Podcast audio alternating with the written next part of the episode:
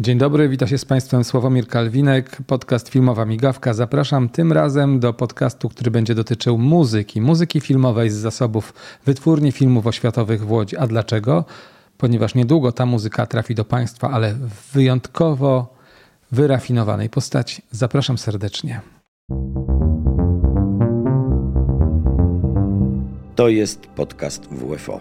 A naszym gościem jest pan Michał Wilczyński, reprezentujący firmę GAD Records. Firma GAD Records to jest znany w Polsce wydawca muzyki, która pochodzi z dawnych lat. Muzyki, która wydawana jest na płytach CD oraz, co najważniejsze, na płytach winylowych. Muzyki, która wspomina to, jak komponowało się, jak realizowało się muzykę, którą wszyscy pamiętamy z telewizji, z kina i nie tylko. Zapraszam serdecznie na nasz podcast. To jest podcast WFO. Dzień dobry, Michale. Dzień dobry, witam serdecznie. E, zacznijmy od tego, e, jaka jest specyfika firmy GAD Records, bo przecież e, nie dla wszystkich to jest oczywiste. Nie każdy, nie każdy zdaje sobie sprawę z tego, jak wygląda jak wygląda e, produkcja, jak wygląda e, to, co wy wydajecie w ramach swoich, e, swoich no nie wiem, swojego katalogu? My od samego początku mieliśmy takie założenie, że jest tylu, tyle firm, które wydają nową muzykę, że trzeba spojrzeć w przeszłość, pokazać to, co albo ukazywało się wcześniej na innych nośnikach i czas, żeby je przypomnieć po latach, czy na płytach winylowych, czy na kompaktowych, e, ale przede wszystkim sięgnąć do archiwów, które nie były nigdy jakoś tak mocniej sprawdzane, przeglądane, oglądane, więc mówię tu o archiwach radiowych, właśnie archiwach filmowych, mm, ale też prywatnych archiwach wielu kompozytorów, wielu wykonawców. E, stąd podstawowe założenie e, tego, co robimy jako GAD Records, to jest pokazanie muzyki sprzed lat, i pokazanie, jak mocno ta muzyka potrafi działać też na dzisiejszego odbiorcę. Ja tutaj myślę, że warto by było wspomnieć o Waszych najważniejszych wydawnictwach, no, takich, które spotkały się z najbardziej entuzjastycznym przyjęciem przez publiczność. I tutaj warto chyba wspomnieć o muzyce pochodzącej z serialu 07 Zgłoś się. To jest muzyka, która wydawać by się mogła jest zupełną ramotą, trąci mychą, a z drugiej strony okazało się, że bardzo wiele osób chce posłuchać takiej muzyki. Chcą, bo to wbrew pozorom było bardzo dobrze zrobione amerykańskie granie, jak na polskie warunki. E, I e, mimo, że sam Włodzimierz Kor, który tę muzykę komponował, twierdził, że chwilami kazał muzykom grać jak w złej knajpie i czasami muzycy za bardzo się do tego przekonywali, naprawdę grali jak w bardzo złej knajpie. Da, da, da, da, da. Dokładnie, tak, a tak to miało brzmieć. Dokładnie, tak, tak, tak, taki był klimat tego całego serialu. E, natomiast e, to jest jeden z tych tytułów, które dla nas były bardzo ważne i jeden z tych, których tak naprawdę od samego początku firmy e, walczyliśmy o to, mm, żeby udało się to wydać, bo nie było to proces tam z wielu względów formalnych, natomiast udało się to złożyć w jedną płytę, w jedną opowieść. I fajnie, bo dzięki temu pojawiły się tam takie rzeczy, które w filmach gdzieś były mocno obcięte do jakichś bardzo krótkich fragmentów, a okazuje się, że na tej muzyki było o wiele, o wiele więcej.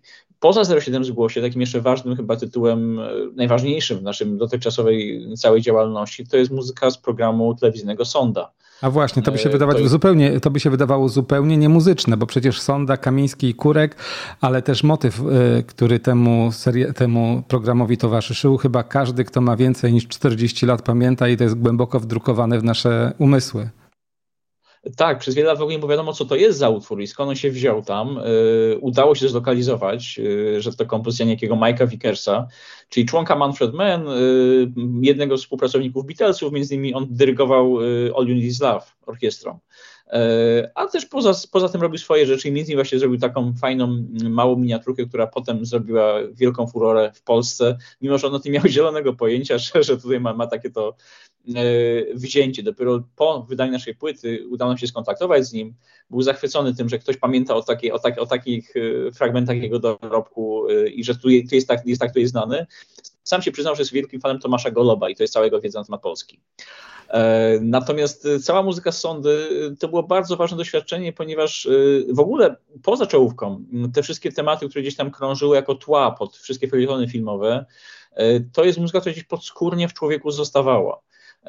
I to też jest materiał, który, o którego wydanie walczyliśmy dobre kilka lat, z założeniem, że sprzedamy tego jeden malutki nakład dla największych wariatów, największych maniaków i że nikt tego więcej nie będzie chciał tak naprawdę słuchać. No ale stało się zupełnie inaczej. Ten pierwszy nakład kompaktów sprzedał się w tydzień, pierwszy nakład płyty winylowej sprzedał się w trzy godziny. I, I głód jest tego do dzisiaj duży, więc mam nadzieję, że w przyszłym roku może uda się do tej płyty znowu wrócić, bo, bo ludzie o nią pytają.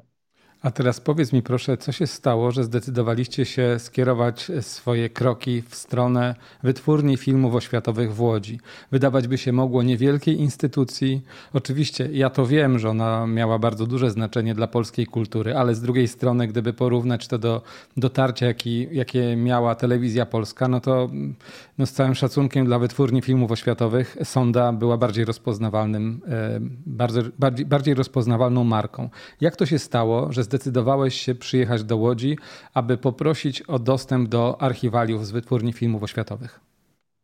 Znaczy, przede wszystkim dla mnie w ogóle polska muzyka filmowa ogólnie, y, muzyka ilustracyjna pisana do filmów fabularnych, dokumentalnych, animowanych, y, od zawsze była bardzo ważną częścią tego, co robimy jako God Records i y, w zasadzie od samego początku starałem się, żeby tego typu twórczość przewijała się na naszych płytach. E, to dzięki między innymi e, przychylności wytwórni filmów dokumentalnych e, z Warszawy, dzięki przychylności Andrzeja Korzyńskiego, który nam bardzo pomagał i udostępnił swoje archiwa. No i szukając niejako w obrębie tej muzyki ilustracyjnej, na nagrania z wytwórni filmów światowych trafiłem właśnie w Warszawie, wytwórni filmów dokumentalnych i fabularnych bo w latach 70. była taka miła tradycja, że jeśli wytwórnia w Warszawie coś nagrała ciekawego, to wysłała do Was a jak wy zrobiliście coś ciekawego, wysyłajcie do nich. I takie wymiany trwały przez dobre kilkanaście lat, mm, dzięki czemu trochę tej muzyki z, z Łodzi e, miałem okazję poznać, zanim w ogóle trafiłem do waszego archiwum, tak naprawdę. E, tak więc dzięki temu wiedziałem, że jest tam naprawdę duży potencjał i bardzo specyficzne jest to archiwum, ponieważ filmy oświatowe wymagały zupełnie innego podejścia czasami e, do, do tego, jak, jak je się ilustrowało. E, to z jednej strony trochę jak dokument, z drugiej strony trochę używa się animacji, nie, nie, dalej od tego sam coś robię do fabuły. E, I ta lakoniczność czasami niektórych form, bo to czasami są bardzo krótkie tematy, po kilkanaście sekund, po kilkadziesiąt sekund, bardzo mnie intrygowała i pociągała, bo czasami trudniej powiedzieć coś w 15 sekund niż na przykład w ciągu 3 minut. Czyli nie było tak, że ty usłyszałeś tylko e, Krzysztofa Komedę Trzcińskiego, e, znany motyw e, z filmu Kraksa i powiedziałeś, o tak, to muszę mieć, żeby zdobyć kolejny tytuł najbardziej rozpoznawalnej wytwórni, która wydaje tego typu nagrania. Nie, zaczęło się, znaczy pierwsza rzecz, jaką z WFO słyszałem, to była muzyka do Ołowicy, pisana przez Józefa Skrzeka, grana przez SBB.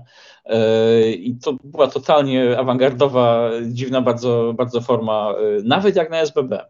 Więc oni tam naprawdę odjeżdżali w bardzo dziwne rejony, a potem trafiłem na muzykę do filmu Magia Nowosielskiego, e, którą robił Włodzimierz Nachorny w bardzo tam, tam małym, ma, małym e, składzie osobowym i, i, to też bardzo ciekawie grało, więc, więc e, uznałem, że warto zobaczyć coś więcej. No i tak się dobrze poukładało, że e, już kiedyś rozmawialiśmy o tej współpracy wcześniej, wtedy po prostu czasu nie było na to, żeby się tym zająć w takim stopniu, w jakim należy się tym zająć. No ale teraz się wszystko poukładało tak trzeba i, i efekty tego będą w przyszłym roku już pierwsze widoczne. Zanim przejdziemy do krótkiej przerwy, która pozwoli Państwu dowiedzieć, się, gdzie możecie słuchać i oglądać podcasty Wytwórni Filmów Oświatowych, czyli Filmowej Migawki, proszę powiedz nam jeszcze, jakie tytuły tutaj wchodzą w grę, o jakiej muzyce mówimy. Mówimy przede wszystkim o muzyce, y, która była y, pisana przez y, czołówkę polskich kompozytorów tak naprawdę, ponieważ dla wytwórni filmów oświatowych y, pisał i Wojciech Kilar, y, i Henryk Kuźniak, y, i Jan Kanty Pawluszkiewicz, i Marek Grechuta, i właśnie jak wspomniany SBB Józef Skrzek, i Krzysztof Komeda. A poza tym pisali też kompozytorzy mocno związani z Łodzią i y, mocno związani w ogóle z oświatówką właśnie, czyli Piotr Hertel, y, Piotr Marczewski, Leszek Orlewicz. To trzy nazwiska, które są bardzo y, ważne. Piotr Hertel mocno kojarzony przede wszystkim z Misiem Uszatkiem chyba, tak naj, najbardziej z tą, z, tą, z, tą, z tą muzyką dla, do Dobranocki, ale to też kompozytor, który robił bardzo różnorodne rzeczy i między innymi właśnie w, w, w UFO mógł realizować pomysły niezwykle odmienne. Dlatego y, bardzo mi się zależy na tym, że na tym, co ja będziemy pokazywać te nagrania, że pokazać ich różnorodność, ponieważ y, każdy film jest trochę inny, każda, każdy temat jest troszkę inny i te ilustracje muzyczne też są bardzo od siebie y, różne.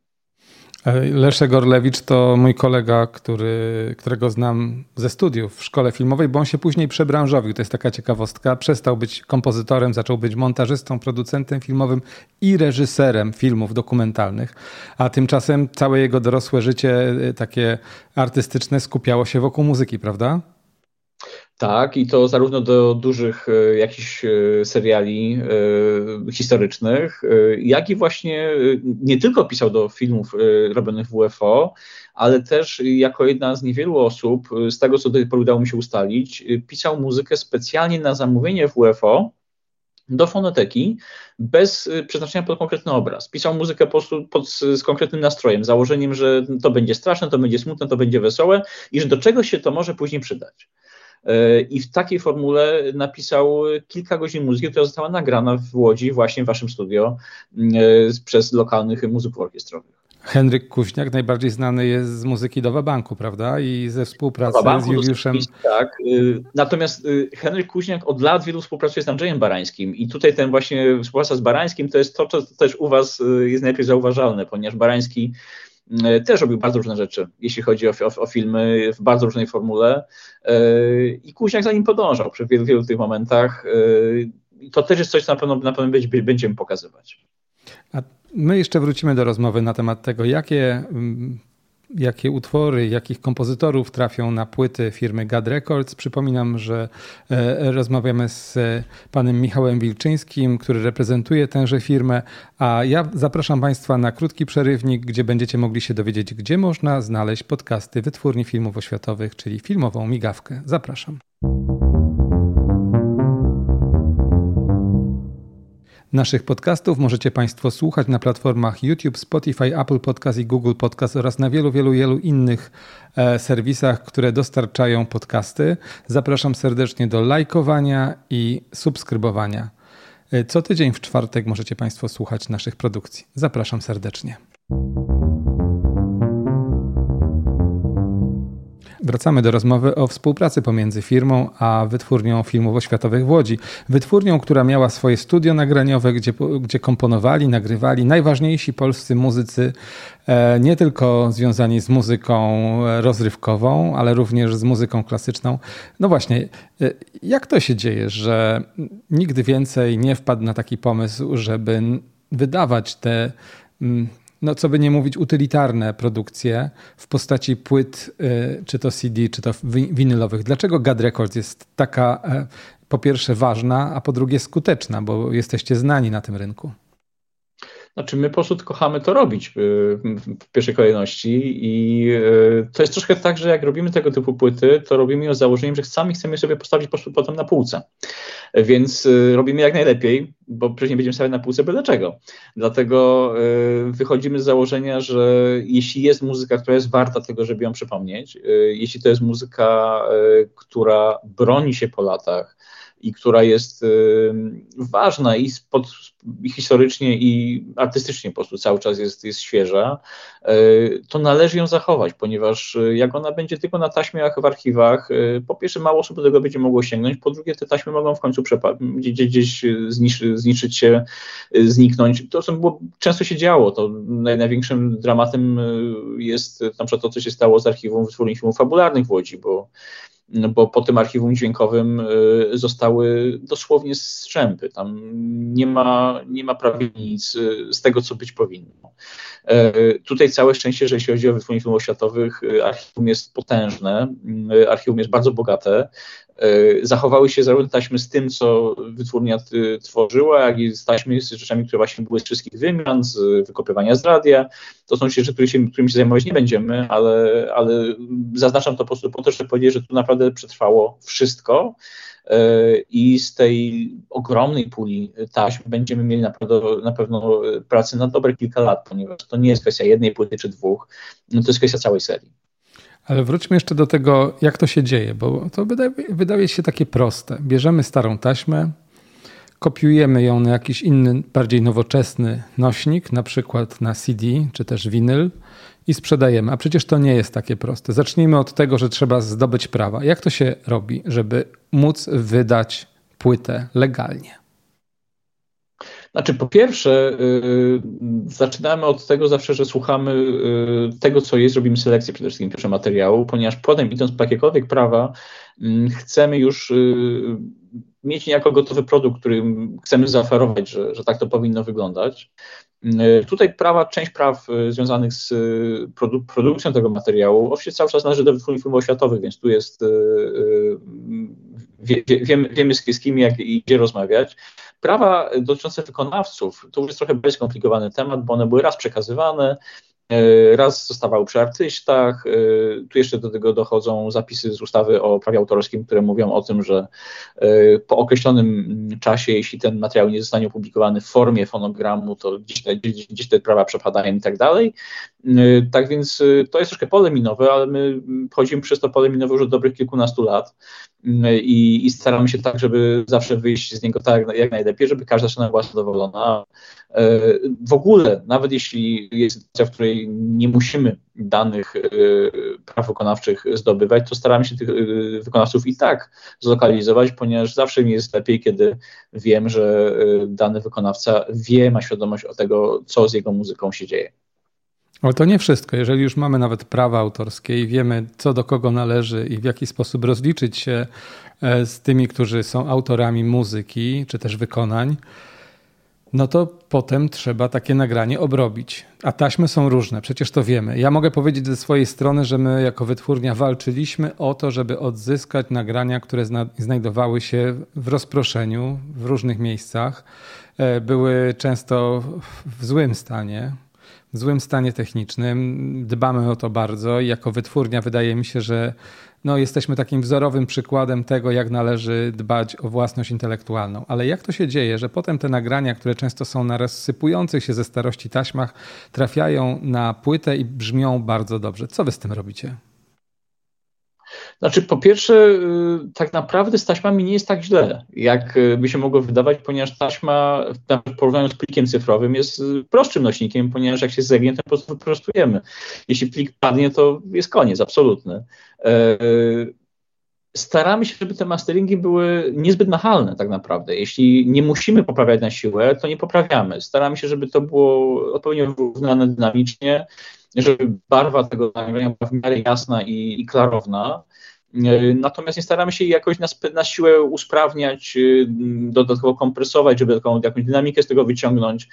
E, raczej staramy się być wierni temu, co zostało zrealizowane przed laty, jeśli to jest na tyle wiernie przechowane na, na nośniku. A czy możesz powiedzieć o jakiejś historii związanej, czy jakąś dykteryjkę mógłbyś przytoczyć, która wiąże się z naprawią, naprawą bądź też digitalizacją takich plików, które wcześniej do Was trafiały?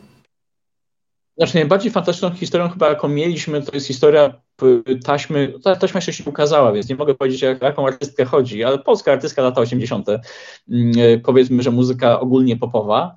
E, I ta artystka nagrała płytę, która była płytą nagraną w języku polskim i angielskim. E, I część tych nagrań po prostu została zachowana w może takiej dziwnej taśmie, która po prostu komuś gdzieś kiedyś upadła. E, i taśma, która była nawinięta na tak zwaną bobinę, po prostu rozstała się w. E, I zrobił się tak zwany kalafior, bo ja pracowałem w radiu, więc wiem, że to się nazywa kalafior potocznie, albo sałata. Tak jest. Trzeba było to wszystko rozwijać e, i centymetr po centymetrze powoli na, na nowo naprawiać i, i robić. Natomiast y, mnie nie, nie pomagało w tym to, że w miejscu, w którym robiliśmy, był jeden kot, który był zainteresowany tym, żeby też nam w tym pomóc ale został wyproszony w odpowiednim, w odpowiednim momencie z, z pomieszczenia i, i dalej już poszło tak trzeba. A jeżeli chodzi jeszcze o technologię, tutaj przepraszam, że tak się dopytuję o to, ale to jest troszeczkę mój konik, bo mam też przeszłość za sobą jako realizatora dźwięku i muszę powiedzieć, że tych formatów dźwiękowych wprawdzie kiedyś było nie za wiele, a, i one były bardzo drogie, jeżeli chodzi o te formaty profesjonalne.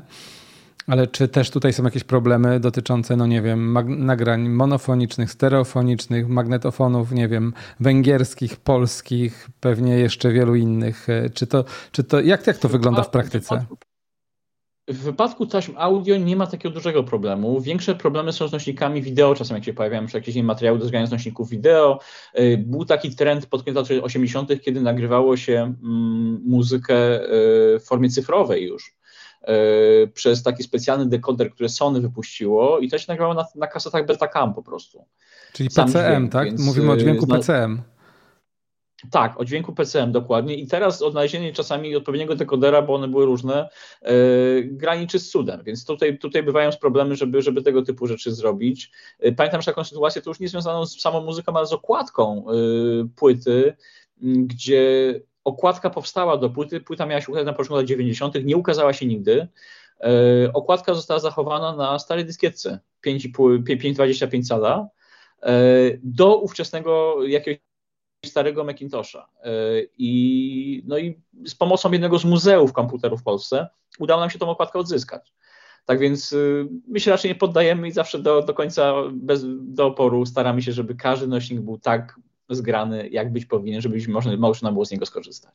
Jak tutaj jesteśmy akurat przy tej y, warstwie, warstwie związanej z, ze zdjęciami, to akurat wytwórnia filmów oświatowych może się pochwalić olbrzymim archiwum werków, zdjęć, które towarzyszyły nagraniom, towarzyszyły filmom, do których e, e, były, była ta muzyka komponowana. Czy, czy te płyty, które wydacie, będą miały w sobie takie cymelia, takie unikalne, taką unikalną wartość, jaką jest właśnie ta strona wizualna?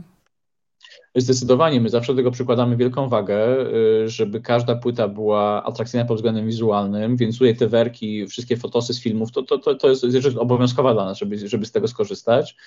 E, tak samo e, na pewno w każdej płycie pojawia się jakaś dłuższa notka, e, która by mówiła o kompozytorach, mówiła o wykonawcach, o samej muzyce, o filmach, żeby pokazać szerzej tak naprawdę o co w tej muzyce chodzi, bo wychodzę z założenia, że teraz, szczególnie w dobie streamingów, jeśli już robimy płytę fizyczną, to ta płyta musi być w całości jakąś formą opowieści, jakąś formą przygody. Jeśli ktoś ją kupuje, to nie tylko po to, żeby posłuchać, ale właśnie, żeby poczytać i, i żeby, żeby, żeby, żeby czuć jak, jak, jako, że to są naprawdę dobrze wydane pieniądze. I ostatnia informacja i ostatnie pytanie. Kiedy będzie można zacząć słuchać płyt wydawanych przez Gad Records z muzyką pochodzącą z przepastnych archiwów wytwórni filmów oświatowych i jaka to będzie muzyka na początek? Jeśli wszystko się pokłada tak jak trzeba, a wiem, że się poukłada, y, w marcu przyszłego roku na wiosnę startujemy od muzyki Zdzisława Szostaka. Y, potem w maju, jak się wszystko dobrze też Może położy, powiedzmy Zdzisław Szostak, autor muzyki na przykład do Królowej Bony, czyli słynnego serialu, który a. elektryzował całą Polskę swego a czasu. poza tym też genialny dyrygent, który dyrygował bardzo dużą ilością partyturów filmowych y, w Łodzi w ogóle. Więc y, też pomagał innym kompozytorom. Na przykład Preisnerowi, który nazywa się zupełnie inaczej, ale o tym nie będziemy mówili. Możemy zrobić konkurs, jak nazywa się naprawdę Preisner. Krótko mówiąc, Szostak komponował, nie tylko komponował, ale też e, dyrygował najważniejszymi polskimi utworami związanymi z przemysłem filmowym, utworami muzycznymi. Dokładnie tak. Potem w maju chcemy sięgnąć po muzykę Krzysztofa Komedy i tutaj pokazać te nagrania właśnie z filmów oświatowych, te, które robił Edward Etler. Natomiast w dalszej kolejności na pewno pojawi się kompilacja, która pokaże y, szerzej to, jak różnorodna właśnie jest muzyka y, zachowana w, w zbiorach y, wytwórni filmów oświatowych. I tropem tego idąc, chcemy dalej po prostu eksploatować kolejne, kolejne, w kolejnych etapach, pokazywać poszczególnych kompozytorów, poszczególne jakieś aspekty zagadnienia.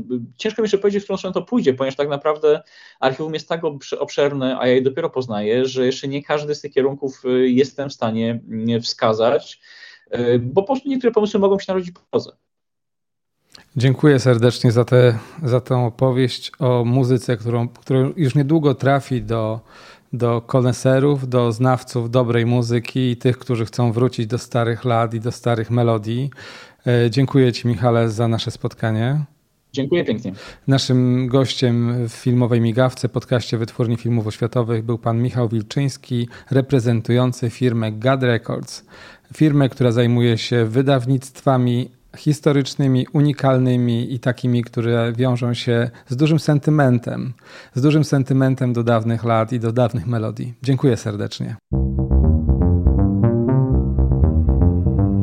To był podcast Filmowa Migawka. Dziękuję Państwu serdecznie za to spotkanie. Zapraszam na następne z naszego cyklu. Już niedługo, jeszcze przed świętami, e, żegna się z Państwem Sławomir Kalwinek, Filmowa Migawka, e, podcast o produkcjach również z wytwórni filmów oświatowych w Łodzi. Zapraszam na kolejne podcasty, zapraszam do lajkowania i subskrybowania tych produkcji. Do usłyszenia i zobaczenia. To był podcast Filmowa Migawka.